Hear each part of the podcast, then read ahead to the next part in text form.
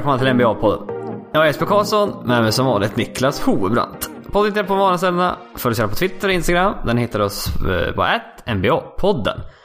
Och eh, Niklas, vi hade tänkt att spela in den här podcasten i helgen, men eh, du har blivit sjuk. Det var dumt av dig.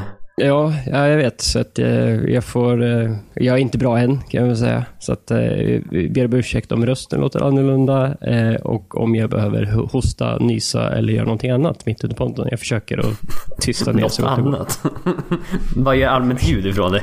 Ja, men man, man vet aldrig. Jag, jag, jag, jag, här, när det har gått fe- 45-50 minuter där, då kanske man tappar, jag tappar eh, koncentrationen och bara börjar vissla eller något. Då är det så här, oj, oj, nu får jag, hallå. Ja, men du, alltså, du är lite på en minutes restriction ikväll. Ja, ska vi säga. Ja. Egentligen, ska- kanske, egentligen kanske skulle vara en DNP, coach decision, men eh, ja. Det- Nej, då... det, är slut, det, är, jag tänkte det är slutspel, det är viktigt. Det är knappt försäsong. Nej, jag i och för sig. Nej, men jag åker till Polen här i, i morgon, morgon bitti. Och då borta några dagar till. Så det skulle ta väldigt lång tid innan vi kommer ut med nästa podd. Så att då får vi... vi ja, vi får köra helt enkelt. Och... Eh, Det kan ju bli lite av en Michael Jordans flu game också. Att man liksom... ja, du, du kanske har så många bra takes idag så att det är helt otroligt. Ja, bara rise to the occasion liksom. Ja, vi, vi, vi får hoppas på det. Eh, eh, ja, nej, jag vill se det först kan jag säga. Ja, nej, det, Ja. Det, är, det, det är ganska många, så här, om man gör baskettermer och Michael Jordan, det är nog ganska många spelare som har varit lite halvsjuka och gjort riktigt dåliga matcher också. Det får man inte glömma. Nej, precis. Nej. precis. Nej, men idag vi ska ranka eh, shooting guardsen. Idag topp 10. Men vi ska börja prata om basket-VM faktiskt. Det var inte planerat. Vi tänkte att ja, men vi pratar väl efter finalen typ när USA har vunnit och lite vad det betyder. Men eh, nej, vi pratar av en annan anledning. Det, nämligen att USA har åkt ut ur basket-VM. I kvartsfinalen mot Frankrike. Det var väldigt förvånande. Att USA skulle vara ute i, i, i en kvart. Hade du bettat pengar på det innan turneringen började? Hade varit en rik man idag. Det hade du garanterat varit. Eh, USA ute i basket-VM i kvartsfinal. Ja, nej, det här är ju en jätteskräll som damp ner här på, på ef- eftermiddag. Eller ja, runt lunch kanske. Ja, du tittade på matchen. Du tittade på matchen idag. Jag hade ingen möjlighet till det. Så att jag var... När jag såg på Twitter att USA är ute. Va? Vad fan? Nej! Det är ett skämt tänkte jag nästan.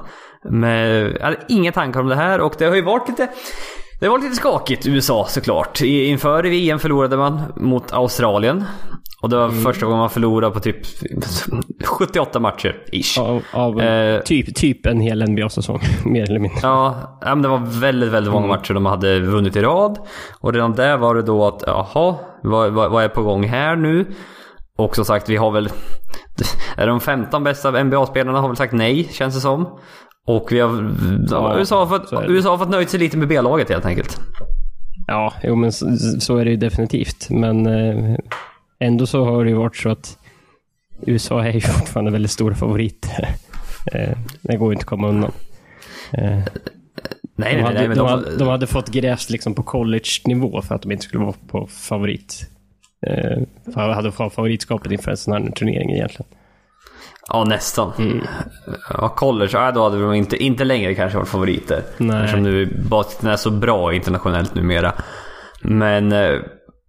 Ja, nej, men som sagt, bästa spelarna Ken Walker, Donovan Mitchell på pappret eh, eh, får man väl säga. Och eh, ja, men du, du såg matchen. Vad, kan du ta med dig någonting från den? Ja, eh, alltså det kändes ju som eh, sådär, alltså det var, det var jämnt. Eh, genom alltså typ hela matchen. Eh, så blev det så här, eh, var det en period, eh, för jag tror det var framförallt i tredje kvarten, där USA kände som att, aha, nu, nu, nu kommer de att springa iväg. Eh, nu kommer det liksom vara klart. Jag tror de vann tredje kvarten med, med typ 10 poäng eller något. Ja, okej. Eh, eh, och sen... Ja, så jag tror de ledde med, med, med en hel... Ja, inte riktigt 10 poäng, men eh, strax därunder. I typ i två, två, tre minuter in i, i fjärde kvarten. Eh, sen så gjorde de ingenting på sista typ 6-7 minuterna. Nej, Liksom det blir- Fra- Frankrike vann sista kvarten med 26-13. Ja, det ska inte få ske. Nej, det, alltså, det var... Jag vet inte. Jag kände som hela matchen var USAs gameplan. Bara, ja, men vi... Eh, vi tar våra, våra ganska små guards och, och driver mot korgen. Eh, vilket kan vara en, vara en jättebra taktik, men det, när Frankrikes bästa spelare är, heter Rudy Gobert och är också är NBAs bästa försvarsspelare och framförallt är han det under korgen, eh, så kan det sig inte det är den bästa strategin uppenbarligen. Nej, för Rudy Gobert är ju en... Alltså, internationell basket, jag vet väldigt lite om internationell basket. Jag, det, jag tittar på i basket-VM och basket-OS ungefär. Mm. Och Eurobasket, jag vet väldigt lite. Men det, det känns trängre än, än en NBA-match. Och eh, Rudy Gobert måste ju vara typ den perf mest perfekta internationella center man kan ha. Stor och lång och i vägen i mitten bara. Ja, och det, det var precis vad han var hela matchen. Han var, han var i vägen. Hela Mm. tiden. Eh, jag, jag tror han, vad tog han? 16 returer och hade typ tre blocks. Ja. Eh, gjorde 21 poäng. Eh, och de där tre blocksen skulle ju kunna varit 10 om man räknar in alla eh, sko, eh, liksom, skott som man, de inte liksom, fick i, bara för att han var där. Mm. Eh, nej, de, hade- de hade stora problem med, med Rudy Gobert defensivt. Och sen får vi lov att ge en eloge till eh, framförallt Evan Fournier offensivt. Som såg, eh, han såg riktigt bra ut. Mm. Eh, stabil. Nando, de, sätt. Nando De Colo var ganska bra också. Mm, syntes inte lika mycket. eh, Alltså, även Fournier var mer ledaren i laget offensivt. Nando De Colo, han satte 9 av 10 straffkast. Ah, Han okej. sköt mycket Så- straffkast där i slutet. eh, Men han skjuter ju över 90 procent, så att de var rätt nöjda med, över att han fick ta straffkasten i slutet. Ja, för han var ju, spelade i Spurs spelade han. Fan jag funderade, jag Mm. funderade länge på vart han spelade utan att... Jag tänkte, nej men jag ska fan inte googla det här. Jag ska ta, komma ihåg vart han spelade. Spurs spelade han ju såklart. Mm, nej, så han har absolut en NBA-koppling. Jaha, nej men eh, USA då. Det... Ja, det var, jag skulle, en spelare som får godkänt i den matchen, det var Donovan Mitchell typ. Eh, han, Mm. gjorde, han gjorde 29 poäng. Eh, var klart, klart det bästa. Annars är det... Jag tror, var det någon mer som gjorde över 10 poäng? Ja, typ Marcus Smart och Kemba Walker gjorde 10 och 11. Nej, annars var- det var, det var ingenting. Det var ju liksom... De måste ha gått... Miles, Miles Turner gör två poäng. Man spelar bara 10 minuter. De måste ha gått small väldigt mycket. Och försöka stretcha Ja. ut Rudy Gobert. Ja, för det var typ... eh, Det var Brown eh, vaktade Rudy Gobert. Eh, en hel del. Jaha. Det var lite Tal om mismatch. Ja. Ja, nej men det var medvetet uppe tydligen. Eh, Mm. De ville väl få bort Gobert från korgen, men ja, det gick sådär. Ja. Det var lite så små, små zonförsvar och lite sånt där också. Ja, ja. Ingen bra första mästerskap för Greg Popovich. Nej, inte direkt. Eh, Han såg rätt uppgiven ut eh, där när man insåg att USA kommer inte ta igen det här i slutet. För det blev ju lite sådär, som sagt, det blev en del straffkast till slut eh, för, för Frankrike när, när USA insåg att de måste få stopp på tiden. Mm. Men USA, de, de klantar ju till det också. De, alltså I slutet av matchen är det ändå så här, det fortfarande ger stora väger lite. Eh, Man vet inte, nu måste USA göra poäng för att de ska ha en chans. Och då, om det var Donovan Mitchell, om det var någon Kemba Walker som typ innebandar bollen efter en timeout. eh, Över, alltså tillbaka till halva plan, vilket de inte får göra. Eh, Så, så vart de avblåsta, så fick Frankrike bollen och så vart det så här. Det var slarvigt hela vägen Mm. tycker jag. Det, det är ju inte för ett Greg Popovich-lag. Det brukar ju vara mo- motsatsen till hans lag. Ja, För, att verkligen. det, för jag bara kom på det nu. Alltså, Mike Krzyzewski tidigare coach då. Eh, Många har Mm. Tyckt att det... Ja, många har ju tyckt att det var bra att Greg Popovich har tagit över. Att det liksom är en... Alltså en NBA-coach helt enkelt. Som eh, kan de sina spelare och... Eh, ja men så vidare. Som, eh, vad heter han? Krzyzewski då coachar på college. Och... Eh, vad fan hade jag för poäng? Jag tyckte du hade frusit men du stod pappa väldigt stilla. Eh, ja, nej men jag vet inte. Har Popovic... Många stjärnor sa nej. Tidigare i de här basket-VM har alltid någon, i alla fall någon stjärna sagt ja. Beror det på Popovic eller beror det på, ja vad säger de nu, alla, alla millennials och alla player empowerment eller vad, vad, vad, vad tror du? Ja, det är det som är svårt att säga. För någonting har ju uppenbarligen hänt. För, för det stora delar av den här sommarens nyhetsflöde gick ut på att han tackar nej, nu tackar han nej, och sen kommer han och tackar nej. Det var liksom mm. så här, spelare på spelare på spelare som liksom inte, inte tackar nej. Och det var ju, man fick väl inte någon riktigt klar anledning. Alla hade väl lite så här, ja, men jag behöver fokusera på min träning. Säsong och lite typ. småskadade. Men det är typ det som kom ut med Darren Fox var ju att de spelade i Derek White över honom. Ja, och skulle så... han vara med i VM då skulle det se ganska dåligt ut om Derek White spelar med mer minuter än honom. Ja, så då bara, mm, nej tack. Nej, då sitter jag hellre hemma typ. Och det känns som det var flera stjärnor som hade nog typ den anledningen. Typ Kyle Kuzma till exempel. Att han, han fick lite kritik i sitt försvarsspel men var duktig offensivt. Och mm. eh, det kanske inte är en Greg Popovich-spelare då. Och eh, därför tackade jag nej. Och, eh, nej men jag vet inte, Greg Popovich sagt, det är internationell basket, det är en helt annan, helt annan sak att coacha. Det, ja. det märker vi. Och det har han inte haft någon... Han har haft många internationella spelare på sina lag, men han har ju fortfarande spelat en NBA-basket. Och eh, jag bara tänker det, OS nästa år va? Ja det är det. 2020. Måste I det vara. Tokyo va? Ja, visst är det väl Japan. Mm. Det, de, de pratade om någonting med det på sändningen, att det var något så jättekonstigt att typ Japan och USA måste kvala in till OS. Även fast dels att Japan är värdland och USA är väl regerande mästare. Ja, de måste ändå så, kvala? Ja, det var aschef tydligen. Jaha. Ja, USA brukar ju ha rätt lätt ja. ändå i, ja, ja. I, i, i Nord och Sydamerika. Ja. Nordamerika. Men liksom, ta ett OS när det inte är värd, värdland, men det känns ju tufft. Lite märkligt. Ja men för sig, det var ju som typ Storbritannien när de hade OS och de skulle ha ett handbollslag. De tog in svensk, hälften av dem var svenska för de hade typ några engelska Ja, svensk, någon, någon gammal farmor typ. Eller något sånt där. Ja, ja. Bara för att få ihop ett handbollslag. Men Japan ja. har ju, antar jag, har ett har basketlag. De var väl med här till och med. Ja. Eh, ja, de mötte ju till och med USA för fasen. Så att... Nej men jag bara tänkte eh, avsluta här nu. Liksom, kommer det här... Den här förlusten. 2004 när de förlorade OS mot Argentina då. Det satte ju igång det här eh, Team USA. Det här programmet som Jerry Colangelo och Mike Krzyzewski liksom satte igång. Att vi ska ha de bästa spelarna igen. Eh, tror du att... Vad tror du inför nästa OS? Kommer stjärnorna nu vilja ta tillbaka respekten från världen? Eller är det här någonting som kommer fortsätta? Ja, vi får väl se om, om, om OS väger så pass mycket tyngre nu då. Uh, så, så, att det kan bli en tillströmning av, av lite stjärnor till bara för att det är OS. Det, bruk, det brukar ju alltid väga lite tyngre. Mm. Men liksom skulle de bojkotta OS nu, då känns det som att då måste man verkligen göra något. Annars kommer den, alltså, den internationella basketen dö helt i USA. Ja men exakt, i alla fall från mm. USAs sida. Ja, ja, jag, ja. I, liksom i resten av Europa då, då, då, då, finns det fortfarande intresse, absolut. Men som sagt i USA tror jag intresset kommer dö ut helt då, för det är väl inte på topp nu heller. Nej, det tror Nej. jag inte. Och jag skulle precis kolla nu bara 2016 års lag. För det enda jag kommer ihåg är att Kevin Durant och Carmelo Anthony spelade. Sen var det fasen inte så mycket mer stjärnor. LeBron James var inte med. Eh, vilka var mer stjärnor för tre år sedan? Det borde ju vara en del. Nej, de största stjärnorna var Jimmy Butler, Kevin Durant, eh, Kyrie Irving, DeMar DeRozan, Clay Thompson, Paul George, Draymond Green, Carmelo Anthony. Okej, okay, det var ett betydligt bättre lag än idag. Alla de här hade klassats som, som, som kanske hade sett som den bästa spelaren i det här laget.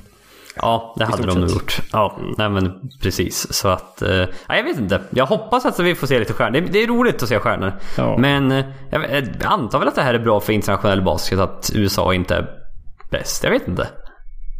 Ja, det är väl både ja och nej. Det blir, så här, blir det som att USA skiter i det här liksom i framtiden, då är det ju jävligt tråkigt. Ja, för, ja, det är det. För då kommer inte publik, publiken, alltså det är fullsatt ofta på, på USAs matcher. De vill ju se stjärnorna. Så är det ju. Eh, så på, publikmässigt så, så är det klart, då är det bättre om stjärnorna är med. Då vill man ju se LeBron James, man vill se Steph Curry. Eh, men eh, det blir ju jämnare på något sätt. Eller det blir mer ovisst på förhand. Ja, en, del har ju haft förslag att man skulle ha typ ett USA. Bara för att skulle göra typ som man gör i fotboll, U23. Mm -hmm. mm. Att man tar U23, alltså typ rookie, sophomores och tredjeårsspelare kanske. Med två eller tre stycken överåriga typ. Ja just det, att det finns uh, lite, lite att plocka in i, i övrigt ja. Ja för hade du sett uh, Trey Young, De'Aaron Fox, uh, Luka Doncic är inte amerikan. Uh, ja men John Collins, vad vet jag, vad finns det mer för unga bra spelare nu liksom? Mm. Mm. Och det kan vara en idé, för då kanske i alla fall de vill spela. Eftersom det är den enda möjligheten de har att spela för USA. Jag vet inte. Det kan ju vara en idé. Men eh, vi får se till nästa år. Ja. Eh, något mer du vill tillägga? Ja, det blir ju... Det ju spännande nu att eh, imorgon här så får ju USA möta Serbien i då en match om fem, femte, typ femte, 76 plats eller något. Eh, ja. Så det, hade, det här skulle kunna vara en, en, en tilltänkt final. Eh, ja, det trodde man så, verkligen på förhand. Mm, ja, så jag vet inte. Jag vet inte hur intresset på planen kommer att vara. Jag är osäker på om jag kommer att titta på den matchen. Det känns ah. som att det är liksom, de kommer, ja, båda lagen skiter lite i det. det Serbien har väl mer prestige än vad USA har. Om inte ja. nu USA känner att fan, vi kan inte förlora den här matchen också, då blir vi utskrattade. Ja, jag vet aldrig. Nej, nej. nej. Eh, vilka är de fyra semifinallagen nu då? Det är Frankrike, det är Australien, det är... Eh, shit vad jag har inte följt det här sista dagarna märker jag. Spanien, Frankrike, Australien och... Eh, Argentina. Argentina. De slog ju Serbien ja, just det. Mm, just det, så ser det ut. Jaha, ja, men då går vi vidare då till... Eh, innan vi går till att ranka topp 10 shooting guards hade vi tänkt och... Eh, jag ska beskriva det. kategorier eh, för point guards ska vi göra det här på shooting guards senare. Men det här var något jag kom på här för ett par dagar sedan som tänkte kan vara kul. Alltså, vi ska då säga vi har åtta kategorier. En, två, tre, fyra, fem, sex, sju kategorier har vi. Och de är bästa skytt, vem är bäst om fem år? Spelare du vill ska sista, ta sista skottet. Bästa försvarare. Vem har bäst atletisk förmåga? Bäst handles och sen bästa scoren. Och eh, eftersom vi inte gjorde det med point guards eh, eh, sist i senaste podcast så hade vi tänkt att göra det nu. Lite och, kom komplettering. Ja men precis. För, för, att inte bara ranka det utan även då säga vem vi tycker är bäst i de här kategorierna. Och vi kan väl börja med bästa skytt då. Eh, och bland point guardsen antar jag att vi är väldigt överens. Ja, sätter man inte kanske bästa skytte någonsin där så, så är det väl tjänstefel eh, ja. i, i vårt fall. Och Steph Curry antar jag att vi, vi bägge har det. Det har vi. Det är inte, inte så mycket mer att diskutera än så. Nej, nej. nej. Den svåraste kanske redan nu, sa vi. Vem är bäst om fem år? Mm, den här är ju... Eh, när, vi sitter, när man börjar titta på den, det blir så här. Då börjar man egentligen med, med den bästa spelaren. Eh, om vi, tar, om vi utgår från att vi, eh, från förra veckans eh, lista, eller förra poddens lista, så är det ju Steph Curry vi har längst upp. Och om fem år, då är han, vad sa vi, 36? Ja, typ. Typ, va, hmm, då är han, då borde han inte vara bäst i NBA fortfarande. Nej. så får man liksom så här, får man ju gå ner lite och sen, ja, jag stod och vela mellan typ så här 31-årig uh, Kyrie Irving eller, eller någon, liksom någon yngre förmåga. Och jag tror, jag, jag landade, jag satte Deron Fox till slut. Mm. jag hade också en slags Deron Fox i sin prime. Jag hade även med Ben Simmons. Och sen även mm. Trae Young. Trae Young, det är någon av de tre känns det. Unga, duktiga point guards. Uh, Fan, jag landade inte på någon märke nu. Fan, jag har bestämt mig för alla förutom just den. Nej, men för det är ju såhär, Ben Simmons har ju sånt jävla tak så han skulle ja, det, det är klart det bäst om fem år. Men det är, så här, det är också det är osäkert på något sätt. Ja, så jag, vill, jag, jag säger, vågade inte ta honom. Så jag, jag säger som, Ben Simmons. Jag säger Ben Simmons. Ja, nej, jag, jag kände av dem, jag hade också de liksom tre jag tittade på, men då kände jag att Deron Fox känns som det säkraste kortet. Att han kommer i alla fall komma närmare ditåt än de andra. De andra kan bli bättre än Deer Fox bägge två, men det är mer osäkert på något sätt. Ja, ja, men Ben Simmons tak är så fruktansvärt högt. Ja, så att, eh, det är därför jag väljer honom. Eh, spelare du vill ska ta sista skottet? Ja, efter, efter eh, förra säsongens så, så är det svårt att inte säga Damien Lillard när jag pratar point guard. Nej precis, jag var inne på samma spår där. Efter att ha både avgjort mot... Han avgjorde mot Oklahoma förra året med det där sista tokskottet. Mm. Så är det svårt att... Du skulle, du skulle kunna argumentera för Steph Curry. Absolut. Men, men, det är också, han har också haft Kevin Durant där som har tagit de skotten de sista åren. Så det blir lite så här... Mm. Ja, och han lyckades inte skåra mot Kevin Love en mot en eh, i NBA Finals match 7. Nej. Det sitter lite i bakhuvudet ja, på mig. Det, det, det, finns där någonstans som gör, ja. sig, gör sig påminn. Mm. Uh, så att, ja, det, det är min Lillard. Eh, bästa försvarare? Eh, ingen som vi har pratat om innan, eh, men eh, Patrick Beverley satt jag där. Ja, jag, jag säger, här, på de här kategorierna får vi gå ut top, utanför topp 10. Eftersom Beverly då är en specialist. Jag hade även med Marcus Smart i tankarna. Mm. Han är ju Väldigt- point guard, shooting guard, vad kallar du vad du vill. Eh, Ja, så att- ja men precis. Men en väldigt bra försvarare. Ja, men jag valde också Patrick Beverly. Den här veckan var en fruktansvärt jobbig att möta. ja, det är ju den Och, klart eh, mest irriterande spelaren i ligan att möta. Mm, utanför det. Eh, bäst atletisk förmåga? Där satte jag Ben Simmons. Jaha. Mm. Jag, jag, jag satte faktiskt Russell Westbrook där. Ja. Jag får nog anse att hans... Ja, något år till så är han fortfarande on top. Ja, men det är, det är nog... Det är, vi får se hur, länge, hur, hur han håller den här säsongen.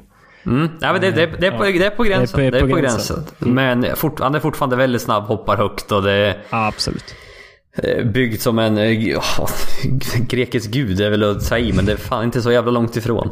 Eh, Det låter ju lite sådär när man säger det, men ja. ja, jag vet, det, det lät lite fel, men ja, jag får stå för det. Ja. Eh, best handles? Eh, ja, jag är svårt att ta den från Kyrie Irving. På något sätt. Det är det han är känd för. Får Ja, man väl ändå säga. Och duktig avslutning till korgen. Men nej men handles absolut. Kyrie Irving. Vi är, Där är vi väldigt överens. Eh, avslutningsvis då, bästa scorer. jag, jag satt och försökte hitta någon annan, men det är svårt att inte sätta Steph Curry där tyckte jag. I slutändan. Nej, du, han har väl snittat mest poäng av alla av de här. Ja. Och han kan, även- han kan göra poäng på, på, på många sätt också. Ja, och gjort, Han har och inte, gjort, han har, han har inte bara trepoängsskytt. nej, och gjort i många år också. Ja. Så det, det, förra året var ingen, var ingen eh, engångsföreteelse. Han har gjort det här i, i många år. All right. Så liksom det är så här, en situation och sen eh, ska du ge bollen till, till en point guard i ligan och du behöver poäng. Vem ger den till? Ja, Steph Curry är en, en bra shoutout liksom. Ja, ja, men exakt. Ja, men bäst scorer liksom överlag. Så. Ja. Du, Steph innan, vi går in på shooting guards. Ja, Kan jag berätta. be dig att vi, vinkla ner din skärm så jag slipper se bara din gässa? Jaha, jävlar. Ja, titta. Tack. Du har inte sett min mun alls eller? Nej, jag, jag, jag har sett toppen av ditt hår och, och fönstret bakom dig i, sen, sen vi började podda. Jaha, titta. Fan, det är därför du inte har... Jaha, då förstår jag varför du inte svarar alltid. Nej. Nej. det var lite så här. Och sen har du fryst ett par gånger så jag har inte vetat att du har fryst för att jag inte sett dig. Eh, Ah. sen, Nej, har för du för, sen har du kommit ikapp så här i efterhand så det blir så här. Ja, just det. Mm, mm, nu tror jag att... ja, jag vet, du har också fryst ett par gånger så jag bara hoppas att snälla prata vidare, prata vidare. ja, det gjorde han. Bra, då, då är det lugnt. Hoppas han något bra. Ja. Typ så. Eh, ja. Möte mitt i podden. Ja. ja, precis. Eh, ja, shooting guards. Förtydliga lite kanske här hur vi tänker, eller i alla fall hur jag har tänkt. Sen kanske du har tänkt annorlunda. Men när jag har rankat de här spelarna, vilket även gjorde på point guard sen. Då är det hur bra jag... Inför säsongen, liksom, hur bra kommer de att vara nästa säsong har jag tänkt. För till exempel Darren Fox, jag tror han kan ta ett steg till och bli ännu lite bättre. Och därför då ja, men kan han eventuellt klättra på listan när man är från förra säsongen så att säga. Ja, nej, jag, jag ser det väl lite så också, men jag ser inte... Alltså... eh, Jag säger, vi säger, jag säger ju inte att det bara är nästa säsong. Jag skulle säga liksom inför den här säs- säsongen och framåt. För liksom... Eh, jag har inte tagit hänsyn till att en spelare... Här, n- någon eh, jättebra spelare, Kevin Durant, saknas i Brooklyn. Ja, men då kommer Joe Harris ha en jättebra säsong. För Nej, men Durant inte- är tillbaka. Det är inte liksom... Jag har men inte s- satt den gränsen på något sätt, utan det är bara inför den här säsongen och framåt, typ. Ja men Hur precis, hur, hur bra kommer de vara? Eh, så vidare. Och inte liksom just nu kanske hur, eventuellt hur de kan ut, utvecklas under sommaren även utvecklas lite Ja. under nästa säsong. Bara ville förtydliga det. Men alright, vi börjar, vi börjar uppifrån. Eh, på plats nummer ett. Det är, det är lättare att gå från det hållet. För det känns bara onödigt att börja underifrån. Det är lättare att diskutera uppifrån och neråt så att säga. Ja. Och, och eh, här finns det också, det är ungefär lika solklart som det var på, på point guard-sidan. Eh, han är helt egen i sin kategori, sin nivå. Han, eh, han är rätt ensam på toppen kan vi säga. Ja det är han. Ja, just det. Ja, vi delar även in dem i nivå, nivåer så att säga. Eller tires som man kallar det på engelska.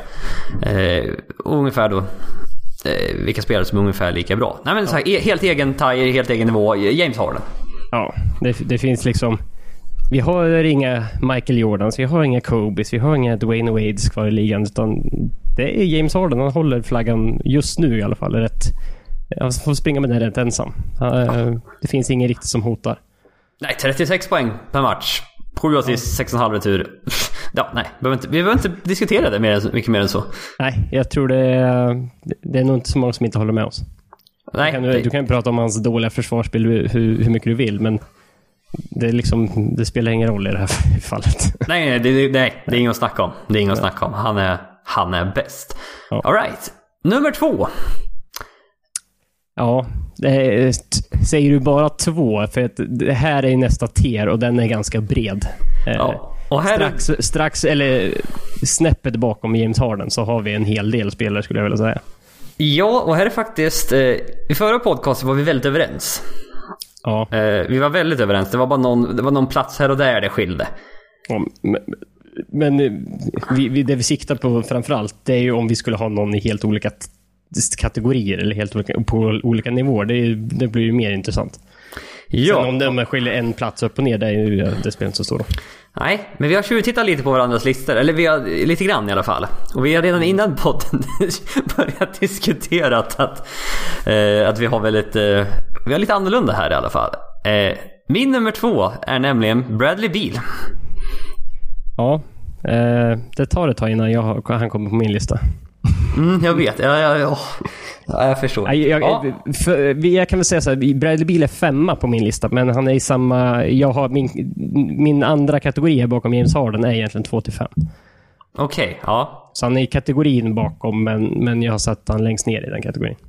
Okej, ja. Spännande. Ja, Jag har bara en 2-4 nivå har jag där. Och sen ett litet... Nej, fan 2-5 kan det nog vara alltså. Det, Ja, det är, du, du tänker säkert på skadebekymmer antar jag. Ja, ja, exakt. Det är lite, ja, det är lite här hur, hur man... Hur man, hur man ser på sakerna. Jaha, ja, men du har... Vem var du som tvåa Niklas? Eh, ja, jag tycker så här, två, tre, fyra framför Bradley Beal här. Det är ja, hugget som stucket, men av eh, olika anledningar så satte jag Donovan Mitchell just nu. Mm? Jag, jag försökte argumentera. Jag hade egentligen eh, under n- normala förutsättningar så hade Oladipo varit två på min lista kan jag säga. Ja, och vi ska också nämna Clay Thompson är inte med alls på den här listan. Nej. Han, Clay eh, Thompson är inte med alls på den här listan.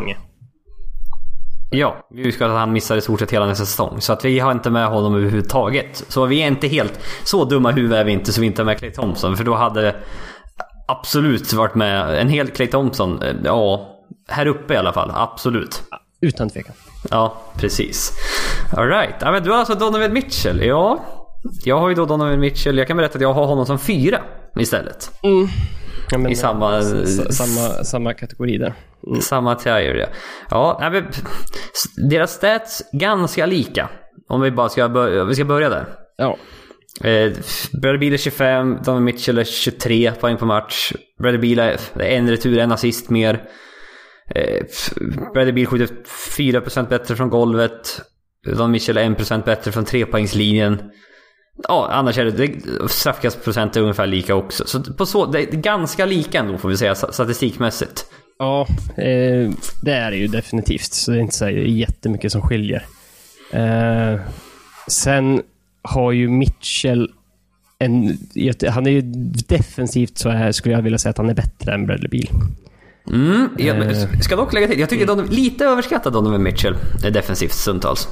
Han är mindre än vad du tror. Ja, han är liten, men han är naggande god. nej, Ja. nej, men, eh, här, skulle jag vilja bygga en, en bra försvarare så hade ju inte Mitchells längd en begränsning i det här fallet. Mm. Ja, 100 procent. Vad står han som? Står han som 1,91 eller 1,93?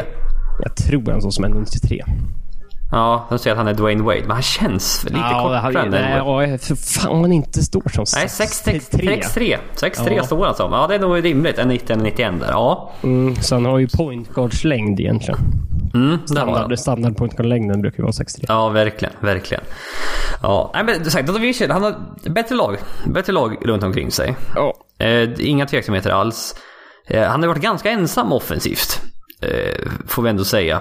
Ja, tidigare. Han har fått tagit en väldigt stor, dragit väldigt stort last där. Ja. För att han har haft Rudy Gobert, ingen scorer, Joe Ingles, nja, Ricky Rubio, nej. Defensivt har han som sagt fått väldigt mycket hjälp. Men offensivt så har han ju fått dragit väldigt stort lass. Och det syns väl då kanske framförallt i field goal procenten att det är eh, 43%. Han får dra ett väldigt stort lass där. Ja. Ja, men i i år kommer han få betydligt mer hjälp med både Bogdanovic och Mike Conley. Ja, det- är ju ett, det är ett mycket bättre lag. Eh, Mm. Även fast jämför man Utah mot Wizards så, så gör ju eh, Doncic de här statsen på ett klart mycket bättre lag än vad Bradley Beal gjorde. Eh, Donovan Mitchell, inte Doncic. Nej, Donovan Mitchell, förlåt. Mm, det, ja. det. De åker den där. Ja, jag förstår. Ja, men, men så är det. Så är det. Bradley Beal har... eh, Jag, jag, titt- du, jag såg Bradley Beal, han spelade mest minuter i hela ligan förra året. Ja, han spelar alla matcher. Ja, mest totala minuter i hela ligan Mm, i för de- under grundsäsongen. För Wizards var ju såklart inte i slutspel.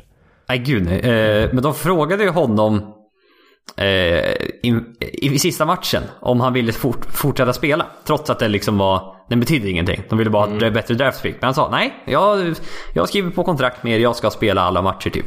Mm. Och eh, det känns som Bradley Beal är ju nästa spelare som kommer vilja bli tradad. Alltså, det har ju pratats om i flera år ju. Ja. Eh, Att liksom, när, när, ska han, när, när ska han ta sig därifrån? Ja. Men det, det, det är som... Det, det är någonting eh, med Dwayne Wade. det är Så här, han och Wall har aldrig presterat ordentligt. De har inte lyckats vunnit någonting. Det är alltid... de har- snacket med dem är... Ja, de har kommit till, förbi, till andra rundan. Andra match sju mot Boston. Mm. Um, och, liksom så här, snacket är ju... Det borde ha gått bättre. Är det ju Ja. hela tiden. Fast fan, det där laget Ja, runt ja, och jag- har aldrig varit bra alltså. Nej, det har aldrig varit klockrent, men det är ändå... Det är de två har alltid varit så här. Han... Bradley Beal har aldrig varit bäst på laget tidigare. Nu har han ju varit de sista säsongerna för John Wall inte spelat. Eh, eh, men han har alltid varit, han har varit steget bakom John Wall. Det är John Wall som har varit ansiktet utåt. Mm. Ja, men det var, det var, för- han, han var först på något sätt. Ja, jo men det var det. Mm. Eh, han draftades etta. Det gjorde inte Bradley Beal. Ja, han var trea. Ja, eh, liksom han fick det här maxkontraktet innan Bradley Beal och han har legat steget efter hela tiden. Eh, eh, men jag, jag vet inte, jag håller det över Bradley Beal på något sätt fortfarande. Att så här, även om det pratas trades med honom, då är det så här. Vilka stjärnor kan behöva en Bradley Beal? Det är ju liksom inte att han ska gå ihop med någon stjärna och bilda något eget par, utan det är ofta vilka andra stjärnor vill ha Bradley Beal? Han blir som en tredje kugg hela tiden. Jag vet inte. Jo, men det skulle jag säga Donovan Mitchell också. Det är inte, det är Nej. inte nivån på en Paul George, Kawhi Leonard ihopparning. Eller Anthony Davis, LeBron James. Det är liksom inte... Nej, det är det inte. För den stjärnglansen finns inte efter James Harden på shooting guard-positionen. Nej. Utan det, det är en nivå bakom. Nej, men jag, jag tittar ju på det. Liksom, Washington, de hade 32 matcher förra året. Vilken... När du tittar på laget, är fan bra gjort alltså. Eh, Ja, speciellt när man kollar på, på laget som spelar typ sista matchen. Ja men det är helt, alltså, när, efter man tradar bort Otto Porter och Kelly Oubre och John Wall är skadad. Det är liksom näst bästa spelaren i Washington. Det är typ liksom Thomas Bryant. Ja, Thomas Bryant, Thomas Satoranski och... Eh, Trevor Ariza typ. ja.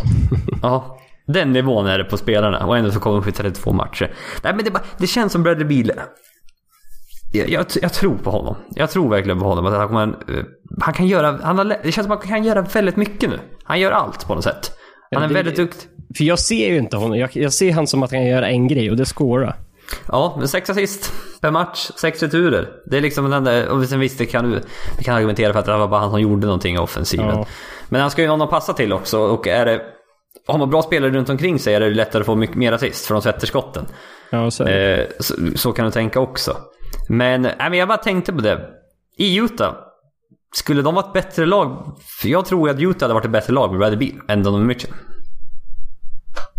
eh, alltså så är det ihopsatt nu med Mike Conley som point guard? Ja, möjligt. För då hade jag sett Mike Conley som den rena point guarden och då som ren shooting guard så är, passar Bradley Beal bättre in där, som en scorer. Ja, För det är det Utah skulle behöva. Eh, ja men precis. Donovan Mitchell kan göra, han skårar inte lika bra som Bill, men han kan göra mer saker. Så, Mm. hade, det, så det är sant så att Mitchell hade varit Jag tror han hade passat in bättre i många andra lag som behöver mer. Eh, som inte behöver, bara behöver en scorer.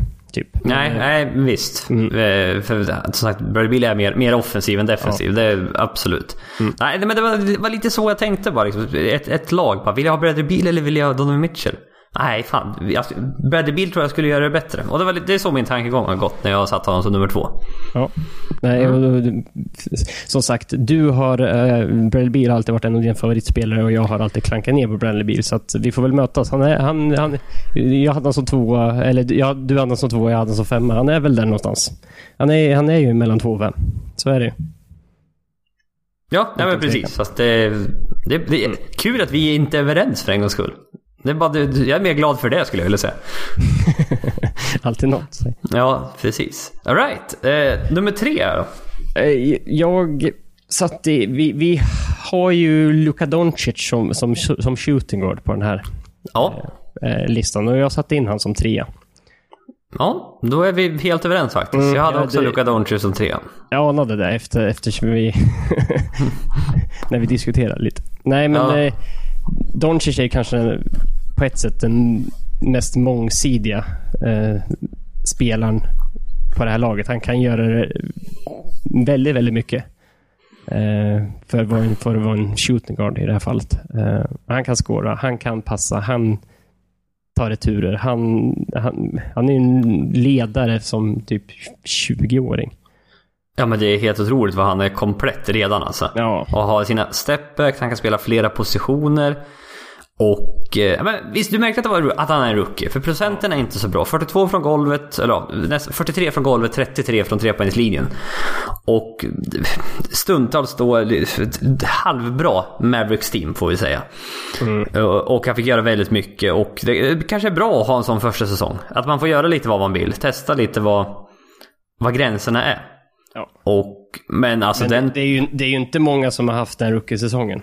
Eh, om vi kollar på liksom helheten. Det, är, Nej, det är... det, väger rätt tungt när man kollar historiskt. Ja, och det, alltså, nästa säsong med Porzingis, lite mer hjälp. Eh, Man får Och- Dylan, Dylan Wright. Ja, och Eh. han, han har varit med på Muscle Watch här i sommar också. Ja, han verkar ha kommit... Han, han ser Mm. inte småknubb ut längre. Eh, han ser rätt eh, mer rippad ut än vad han gjort förut. Ja, kanske börja lära äta rätt och så vidare och så vidare. Nej, jag tror han kommer, nästa, jag tror han kommer eh, utvecklas massor. Alltså, jag tror han kommer ha en riktigt bra säsong redan nästa år. Alltså. Absolut. Utan, Alltså det, det här är, det är Alls, det kan vara... eh, Nu är det så jävla tufft i väst med All-star-platser. mm, det är det. Eh, Så det, är, det är jävligt svårt att se om han... Jag, jag har inte gjort den övningen att försöka... Liksom innan säsongen... får ju bygga ihop ett, ett lag. Nej, bygga upp All-star. Jag har inte gjort det än. Men... eh, Ja, fasen. Nej. Doncic nästa år, jag tror han kommer vara snuskigt bra. Och jag ser fram emot att se, se, se, se Dallas nästa år. ja, absolut. Fyra då. Där har jag eh, Donovan Mitchell. Ja, jag har Oladipo som jag antar du har som femma, kanske? Han är faktiskt en sexa. Han är sexa. Och Mm. det, det är då framförallt på, på grund av hans skada. Och det, det är en skada som är väldigt märklig. Man har typ inte sett den förut. Säger vad, det verkar som. Och de säger att de antar att han kommer tillbaka runt jul. Men det... Ja. Alltså vad jag läs, läste var ju typ från skadan så sa de tre till sex månader. Och hans, då skulle han, så, om man hade räknat på sex månaders period så skulle han tillbaka, kunna vara tillbaka i november. Eh, Men vad jag har hört är att är så de är lite osäkra och tror inte innan jul.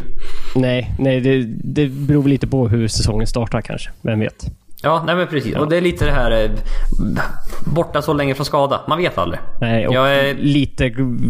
Som sagt, jag hade haft honom som tvåa på den här listan annars. Ehm, för det, det, men det är en skumskada. Man vet inte riktigt vad man har han, men... eh, vi, potentiellt, liksom, när vi kollar i slutet av den här säsongen, då, då, då kan han ju faktiskt vara tillbaka på en väldigt hög nivå. Ja, det, ja, det kan. Absolut, absolut. Men jag, det är därför jag höjer ett varningens finger bara. Ja. Och därför plockar ner honom ett par placeringar. Just för att jag är... Nej, jag är som sagt, jag vet inte. Men när han var hel så för... Ja, förra säsongen missade han ju... Det var inte många matcher han spelade i början där. Men Nej, nej. säsongen innan det, hans första i Indiana, Ja. var ju snuskigt bra. Ja, det var ju läskigt. Och han är ju också... Han är ju den bästa tvåvägsspelaren på den här listan också. Alltså defensivt och offensivt. Om man lägger ihop dem så, så är han, han är, kanske den bästa här. Mm. Ja men det är Eh, absolut. Men som sagt, det är en liten skada där som, som gör att vi, vi skeppar ner honom något. Ja, precis. Eh, plats nummer fem då. Eh, har jag CJ McCollum. Spännande. Trodde jag inte att du skulle ha. Nähä, nähä. Eh, tro, tro, vi har hatat på honom. Eh, li, lite diverse. Så det, jag har han lite längre ner. Okej. Eh, jag har ju Bradley Beal som femma, som sagt. Okej, ja, okej. Vem har du som sexa då? Eh, eftersom jag har eh, Ola Deep som sexa. Vem har du som sexa? Jag har Devin Booker. Ja, där har du ju mitt. eh, eh, Någon som jag hatar lite på istället. Ja, där kom, där kom den. Ja, det är ju den som sagt. Alltså, vi kan börja med Devin Booker. För jag har, eh, har, en, har en del tankar. Eh, alltså, statsmässigt fruktansvärt bra. Ja, 26, jag- po- 26 poäng per match, 7 assist, 4 returer. Eh, 46 från golvet. Bara 32,5 från Ja, trepoängslinjen. s- svag från trepoängslin. Men alltså, bortsett från den procenten så, så är ju han typ... Ska vi bara gå på statsen så är han typ tvåa på den här listan. Ja, Mm. men det, det tycker inte jag man ska kunna göra faktiskt. Nej, nej det, det ger inte en rättvis helhetsbild kan jag inte tycka. Nej, för det, nu, det, det är fjärde året nu i rad. Eller fjärde året, han har spelat i Phoenix fyra år. Eh, menar jag. Och jag tyckte inte laget i år var så dåligt. Alltså det var visst, det är mycket unga spelare. Det börjar bli lite Wizards-varning. Bo, de Ja. borde kanske ha varit bättre. Ja, du tänker så. Ja, nej, men visst, du kan tänka så också. Men vinna 19 matcher. Ja, det är inget bra. Alltså det är så dåligt, det är ju sämst i hela... eh, Ja, var, ja jag vet inte, var Chicago sämst? Eller men förlåt, var Cleveland sämre? Jag vet inte, men det var ju botten tre lag Phoenix förra Ja. året. Och då har de varit nu flera år i rad. Och... eh, Det, så dålig ska man inte vara om man är en stjärna. Eh, Nej, men det, för det är liksom... Pratar du med, med liksom NBA-folk, alltså gamla spelare och coacher och sånt där, då är det så här, du ser inte de här, de bästa spelarna i historien. Du, du ser inte att, även om de har varit själva på ett lag, så de, de, de vinner mer, alltså de gör, ger mer vinst i sitt lag än 19 vinster. Ja, Spela- Alltså, alltså de kan spela med, med, med liksom high school-spelare. Vissa av dem skulle ge mer än 19 vinster typ. Ja. Nu ska vi inte jämföra Devin Booker med LeBron James, men Nej. tidigare har du liksom LeBron James och random spelare 50 vinster, typ.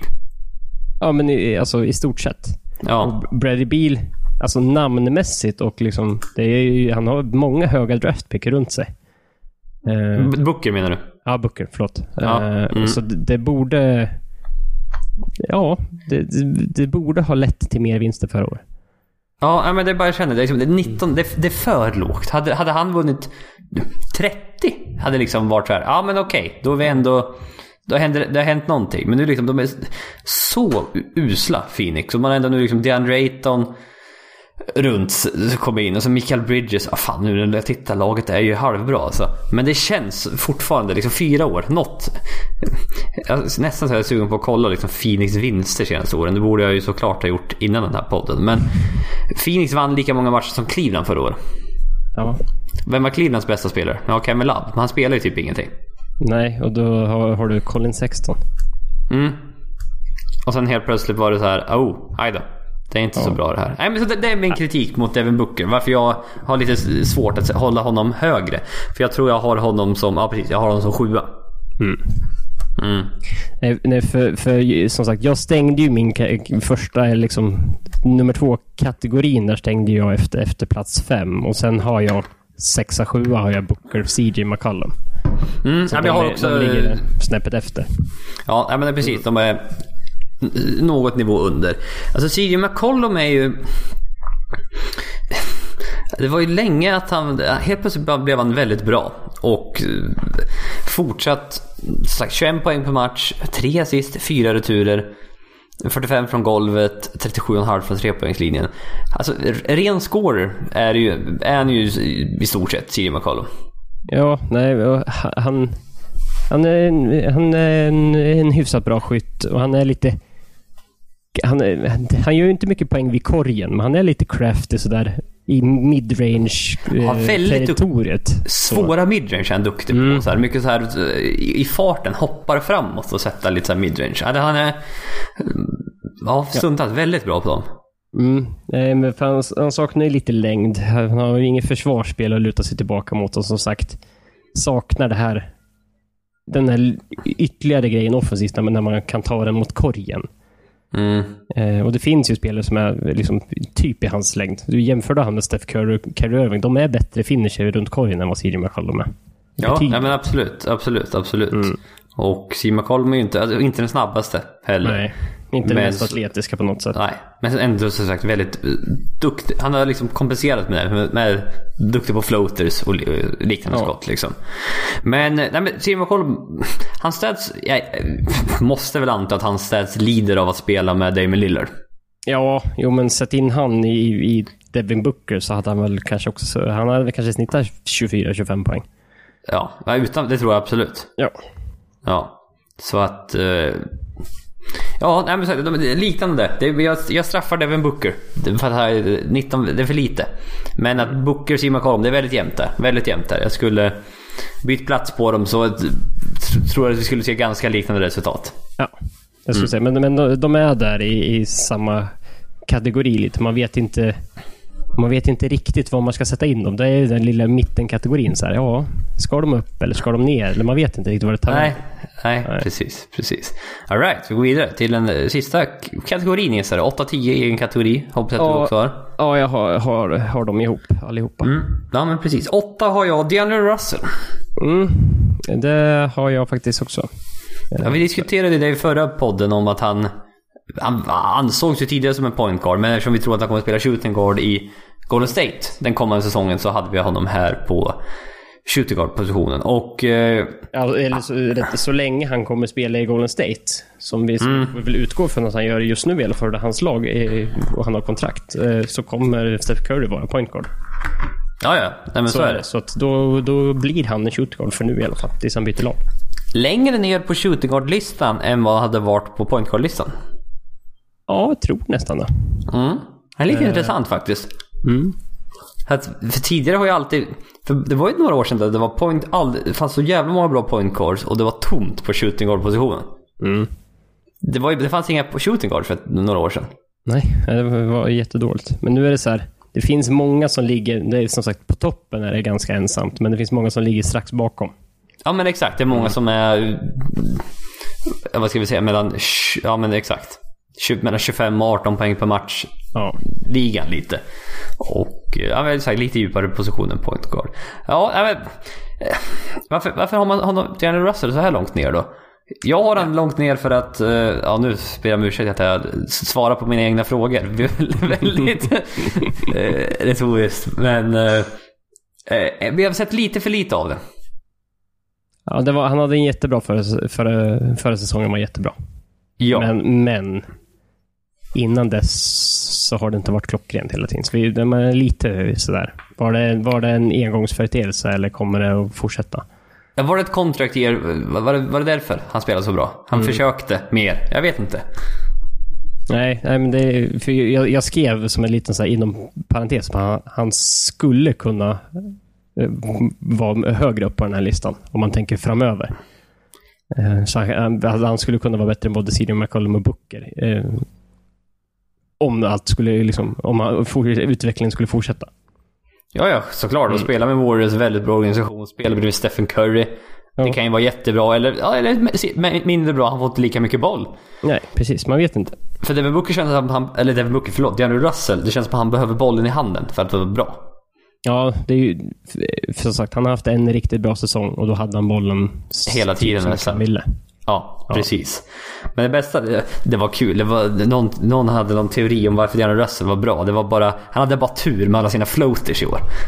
Ja, han bara, de studsar bara i förra säsongen. Titta den här säsongen när de inte gör det, då, kommer, då sjunker det direkt. Jag tyckte det var en jättekul i- teori. Han hade bara tur en hel säsong med sina höga floaters. Eh, Det stämmer ju troligtvis inte. Men det, det, Nej, det, men, det, men det är kul att folk tänker på sånt här. Ja, och se efter fem matcher när han, när han har haft lite oflytet och floatersna inte gått in och han sitter där och är asnöjd, han som la den kommentaren. Ja. Jag bara, jag sa ju det. oj, oj. Ja, vi går vidare. Nummer nio. Vem har du där? Jag har Jerry Holiday. Ja, det har jag med. Eh, vi kan väl prata lite kort. Eh, duktig försvarare. Väldigt duktig försvarare. Väldigt duktig försvarare. All, all, NBA, all NBA tänkte jag säga, men all defensive. All defensive ja. Eh, snittade hela 21 poäng per match förra året. Mm. Och då är och sent ganska 7,7 bra assist och spelare. 5 returer. Nej, det var betydligt bättre än vad jag trodde. Ja, det är starkt. Han sa, det är Mm. som sagt, hade du lagt till ett riktigt bra skytte, Mm. då har du liksom... Då sticker han uppåt på den här listan ganska fort. Ja, nej men som sagt. Fortfarande något underskattad. Eh, och kommer nog fortsätta vara det om jag ska vara helt ärlig. För han är inte alltid lika flashig som de här andra. Nej. Syns inte lika mycket, det pratas inte så mycket om honom. Han gör, gör det lite i... Det kanske kommer synas mer med Zion Williamson, vem vet? Ja. Men, Men, eh, men den stora frågan är hur kommer han att ta den här nyheten om att i NBA att de inte får spela med de här ninjabanden längre? Ja, just det. Vad kommer, eh, ko- kommer han göra en, en Antonio Brown och med sin hjälm och bara, eh, Jerry Holder bara, nej jag tänker inte spela om jag inte får ha den. Och bara bojkottar. ja. ja, det... Ska han, ska han bränna sina fötter i en cryo cham- chamber också? Eller frysa sina fötter gör man i och för sig. Ja. Så Det är väldigt kallt. Och sen tvinga sig iväg, trada sig och sen vill... Till nej, jag vill, Spurs. jag, ja, eller Patri- ja, Patriots ja. till Spurs. Men bästa laget i ligan. Jag vill Clippers. Jag vill bli tradad till Clippers. Ja, Clippers eller- Lakers liksom. Ja, typ. Eh, ja, det vore ju något. Ja, ja. ja. Nej men... Eh, bra spelare överlag. Men... Eh, Ja. En, en nivå under övriga spelare. Sista platsen då, nummer 10. Stod väl egentligen mellan... Ja, två och en halv och då är jag ge- generös. Eh, Buddy Hield, eh, Zach Levine. Jag, funderade en stund på Jalen Brown. Men kom sen fram till att nej, han är inte, han är inte lika bra som de andra två. Nej, nej det, förra säsongen hade han inte den utveckling som, som man hade hoppats på. Eh, utan då hade han varit på den här listan. Garanterat. Men eh, jag eh, satte in Buddy Hield till slut. Ja, jag gjorde ju det också. Uh, när man börjar titta lite på Zach Lavine så märker du att det är... Nu hade jag, ska jag ta upp det? Jag hade faktiskt... Alltså det, det är, han, han har ju, han gör ju väldigt mycket poäng. Ja, men det gör det. Men ja, nu skulle jag säga. De senaste tre säsongerna har han spelat 47, 24 och 63 matcher. Ja. Det är lite eh, skadeproblem som ställer till det för honom. Han slet väl av korsbandet för ett och ett halvt år sedan eller sånt va? Ja, det måste väl ha varit 2016-17 där. Ja. Spelade han 47 matcher. Ja, han var 17. Ja, kanske var det i Minnesota. Jag kommer inte ihåg. Ja, han spelade bara 24 i Chicago. Ja, kanske blev, ja men han blev tradad när han var, eh, när han var skadad.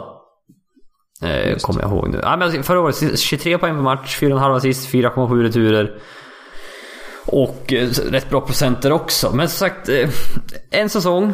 Eh, vilket också vi får säga med Buddy Hill, att det är också en säsong med Buddy Hill. Ja. Men just Zach Levine, skadeproblemen gör att jag tvekar lite och därför sätter jag Buddy Hill något högre. Ja, nej och, och nu har ju så här, om man tänk, tänker good stats bad team. Eh, så ju, det känns ju som att det är typiskt den stämpeln på, på Lavin liksom att Han har alltid haft den stämpeln nästan. ja men det är så här. eh, Jag har sett han på ett dåligt lag och ge en massa boll, då kommer han göra poäng. Ja. Eh, Men ska du kommer han någonsin vara, vara typ topp två spelare vid ett riktigt bra lag som vinner? Ja, Ja, tveksamt. Tveksamt. Ja. Eh, Och Buddy Hield, han hade väl inte heller, men han är ju en, han är ju mycket bättre komplementspelare till någon annan. Han sköt ju typ nästan 43 procent från tre Han var ju riktigt bra. Riktigt, riktigt bra skytt förra året. Mm. Ja, det är imponerande. Mm, och snittar nästan 21 poäng på match. Det, det, det, han hade en jättebra säsong. Ja, han verkligen inte, inte samma playmaker. Nej. Eh, vilket, vilket Zach Lavine aldrig heller har riktigt egentligen. Nej. Han har lite överskattad som det, kanske. För han har alltid bara sett som en ren scorer. Lite six man typ. Han är ofta. Ja, ja, exakt. Såg så länge som det i Minnesota. Och... Eh, nej men, nej, men Buddy Hill, mer, mer komplementspelare. Mer, mer stabilt. Känns som man vet vad man får av honom mer. Ja, precis. Eh, sätter du in Buddy Hill i ett annat lag så, kommer, så skulle han kunna få liksom liknande grejer, nummer. Eh, Mm. Hålla samma nivå. Zach Lavin vet inte och plus att han, som sagt, skaderisken är väldigt stor där. Väldigt hög. Mm, det känns som det i alla fall. Så jag vill se lite mer från honom. Men Buddy Hill, alltså det kom lite från ingenstans förra året. Helt plötsligt jo, så eh, helt plötsligt såg det riktigt bra ut. Det var... Ja, men, men 17-18, han, snitt, han spelar liksom å- 80 matcher. Han startar typ inga matcher i och för sig. Nej. Men han snittar ju liksom 13,5 poäng. Och sen nu spelar han 82 matcher. Startar 82 matcher, snittar 21 poäng. Så att det är liksom... Det händer Ja, ju det- någonting. Ja, tänk om han hade varit kvar i Pelicans. Mm. Ja. Spännande. Där hade han inte så speciellt lyckad. Det har Uh, hänt lite sen, sen, sen hans Pelicans dagar kan man säga. ja, precis. Han blev tradad. 16-17. Ja, han blev tradad tillsammans med Tyreek Evans till- Kings ja, och Langston Galloway. Och ett first round pick som blev Zach Collins. Ja just det, som typ Sac- Sacramento tradade bort. Och gick det till... Det, de tradade ju bort från Zach Collins för att få typ så pick 13 och 21 eller någonting. När man tog... Eh, man tog han greken, Papagiannis typ, eller vad fan han heter. Och eh, Harry Giles. Ja, just det. Tror jag. Så att det var... Eh, mm, sådär trade i efterhand kan man säga för Pelicans eftersom var kastas lite av hälsenan och var borta eh, halva året och lämnade också vä- väldigt snabbt därefter. Ja. Så att... Eh, yes, men ska vi gå över kategorierna här då? För shooting guardsen. Det kan vi göra. Eh, ja, men vi kör samma ordning. Bästa skytt. Ja, det här trodde jag skulle vara lättare först. Eh, Men det vart så här. eh, jag, jag satt och tittade och kollade mot, på, mot förra året. Man kollade liksom den som låg högst i typ procent och antalet trier då. då jag, jag landade på den vi pratade om nyss, på Buddy Hill. Jaha, spännande. Mm. Hade Clay Thompson varit hel, Hade han varit här? Ja. då hade han absolut varit etta skulle jag vilja säga. Ja, absolut. Utan tvekan. Eh, men jag gick bara på... jag gick på ren magkänsla. Som jag gör stundtals. Och eh, Jay Reddick satte jag där faktiskt. Jaha. Nej, han eh, snittade under 40 procent. Då gick han bort där för mig. Va? Jo, va? Gjorde han? Ja. Han Nej. un- jo, han snittade under 40. Ja, det- jo, jag tror det, men... det, jaha. Och då, då, det, då, har jag, då har jag svårt att trycka upp honom som, en, som bästa skytt. Ja, jag antar det. Den Men, men, men, men det är klart att det är klart att han är där. Utan Ja, ja, gud ja. Ja. Danny Green sköt 45,5 procent. Mm. Låg lite, jag tror han fick för mig att han var lite sämre i volym än Buddy Hill. Men, Ja, ja. Seth Curry 45 procent. mm, satte, men satte typ 153 istället för typ 300 som de andra sköt. Ja. Nej, men det är just... Jag, Jay Reddick anser jag fortfarande vara en... eh, Det, det, det är det han kan ungefär. Ja, han har inte så jättemycket mer. då. Han har ju en del rutin och lite, men eh, det är ju den absolut bästa skytten off screens skulle jag säga. Ja, det är inga tveksamheter. Nej. Utom Clay Thompson då möjligen. Ja, möjligtvis. Ja. Kommer alltid tillbaka till, eh, till Clay Thompson. Jaha, eh, bäst om fem år. Ja, jag hade ju svårt med tanke på vad vi, vad vi pratade om tidigare och inte sätta Luka Doncic på den här. Ja, nej, det, var, här var, den- det här var den lättaste av alla tror jag nästan. Eller möjligen med bästa skytt med Curry på point Ja, på första. Ja, lite så. Ja. Ja, Nej, det var, det var bara att skriva in hans namn då. Hopp, tack, nästa. Ja, det var liksom, det är klart högst tak. Mm. Ja, det är MVP-tak är det ju på han. Så att... Ja, eh, ja absolut. Han gick trea i draften. Fattar fortfarande inte det alltså. Nog för att jag gillar Marvin Bagley till nästa säsong. Ja, ja, det är jag med, men jag hade inte tagit... Som sagt, vi höll Luka Doncic jävligt högt. Redan då Vi, ja. ja, vi sa att vi hade plockat honom som etta oavsett vilket lag vi hade varit. Ja, det är kul att, vi, att man kan ha rätt ibland med sådana där, eh, med sådana där grejer. Alright, spelare du vill ska ta sista skottet? Eh, ja, här satt jag också och försökte liksom hitta någon, någon så här gömd eh, dold talang någonstans som, är, som har bra procent i slutet av matcherna. Men jag föll på... hade jag varit tvungen att ge bollen till någon av de här i slutet av en match så hade jag gett den till James Harden. Ja, man får väl ändå säga det. Jag, jag, håller, jag har samma val jag och... Nej, men just... Kan score på så många sätt. Det, det är stepbacks och det, behöver man en trea då vet man att då har han den här stepbacks-trean som inte går att försvara. Och eh, kan driva mot korgen och nej. Ja, ja men det, det, är så här, det är perfekt i slutet av en match. Här. Ja, men säg att de ligger under med ett eller två poäng. Eh, istället för att eh, ta en trea eller ta ett midrange. Han driver mot korgen, så gör han sin... Han kommer få... Han kommer, han kommer bli foulad. Han kommer ja. dra en fall och han har chans att, sätta en för tre poäng. Liksom ja, och, en one liksom. Sen, ja. nej, det... Och är väldigt duktig på straffkast också. Ja, eh, så att det, absolut, absolut. Bästa försvarare? Eh, jag, jag, jag, kan ha missat dem, men jag, jag tänkte direkt på Jeru Holiday här, som vi pratade om förut. Så jag satte honom. Ja, det gjorde jag med. En mm. hel Clay Thompson hade jag med i, i krokarna också ja. där. Han, han är, hade, Clay Thompson, han är med på den här listan mycket fast han är inte med. Han hade ju tagit många platser såklart. Ja, han borde, fan i efterhand kanske han borde kanske varit med bara. Men det är, det är svårt att ranka någon som kommer tillbaka i april också. Eller mars eller när han kommer tillbaka. Mm. Nej, vi, vi rankar ju under liksom förutsättningarna för hur det kommer se ut inom den närmaste framtiden i alla fall. Ja men precis. Och sen, men vi, vi tycker ändå vi... Vi... Eh, och sen, sen, vi hedrar honom ändå att prata om honom och när han borde ha varit, att säga. Absolut. Men sen, sen mm. som sagt, du kan argumentera för att Jiro Holiday är en bättre försvarare än Clay Thompson i vissa stunder. Det, det hade jag också köpt. Så det är ju ingen klock. Det är ju ingen så här, Clay Thompson hade varit etta här. Det finns en diskussion. Ja, ja men, de, men de två, topp två var min... Ja. Eh, när jag tittar över eh, kandidaten i alla fall så mm. känns det som det. För Jiro eh, han är också lite bull, bulldog-aktig. Lite så här. Du flyttar inte på honom, känns nej, det som. Nej, han är rätt satt.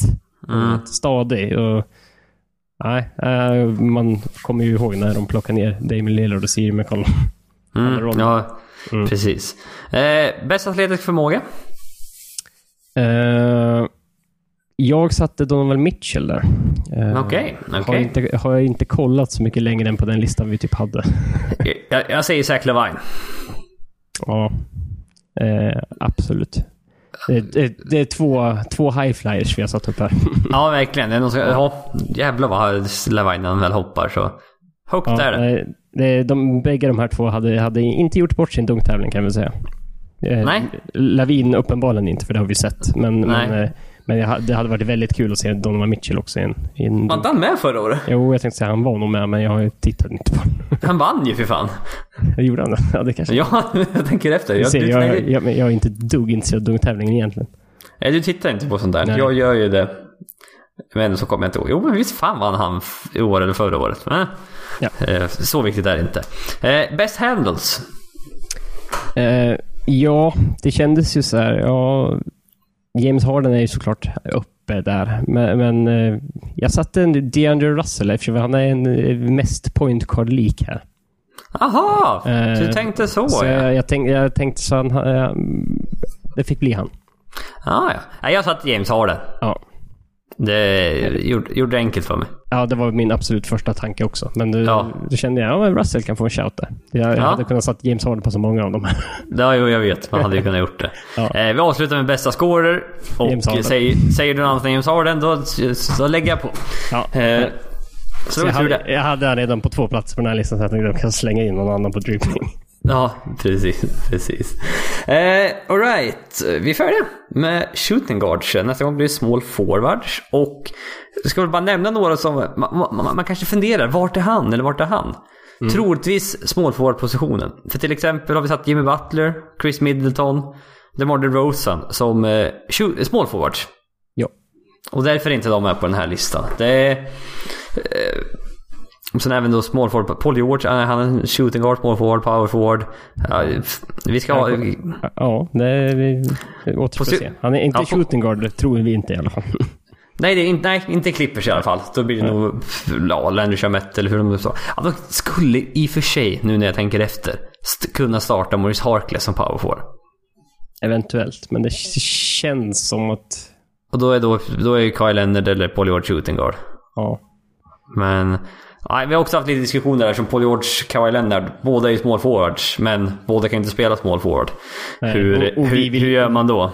Och vi vill gärna ha in Landry Shamet. Eh, Ja, sen shooting guard. Ja, vad var det som var grejen? Vi vill ha han som startande shooting guard. där. Ja, nej, Så då blir ju de forwards, power forward och small forward de två. ja, precis. Positionskommittén ska ha ett möte inför, inför nästa podd. Ja. Jag tänkte Eh. säga, det får väl Clippers också ha fram, framöver då. Ja, precis. Jag får hoppa, hoppa, hoppas det i alla fall. Eh, något mer att tillägga Niklas? Ja, du, du, kul, du verkar ändå... Du lever eh, fortfarande, vilket är bra. Ja, jag dopade mig med, med halstabletter, nässpray, eh, huvudvärkstabletter och eh, lite annat sådär precis innan. Så att, eh, ja, jag kraschar väl nu efter. Ja, det finns väl en stor risk för det. Ja. Eh, det, det brukar vara så när man har hållit på med någonting ett tag när man är sjuk. Ja, men som sagt, eh, följ gärna på Twitter, att NBA-podden och även Instagram då, att NBA-podden. Vi får tacka för att ni har lyssnat. Tills nästa gång ha det bra. Tack!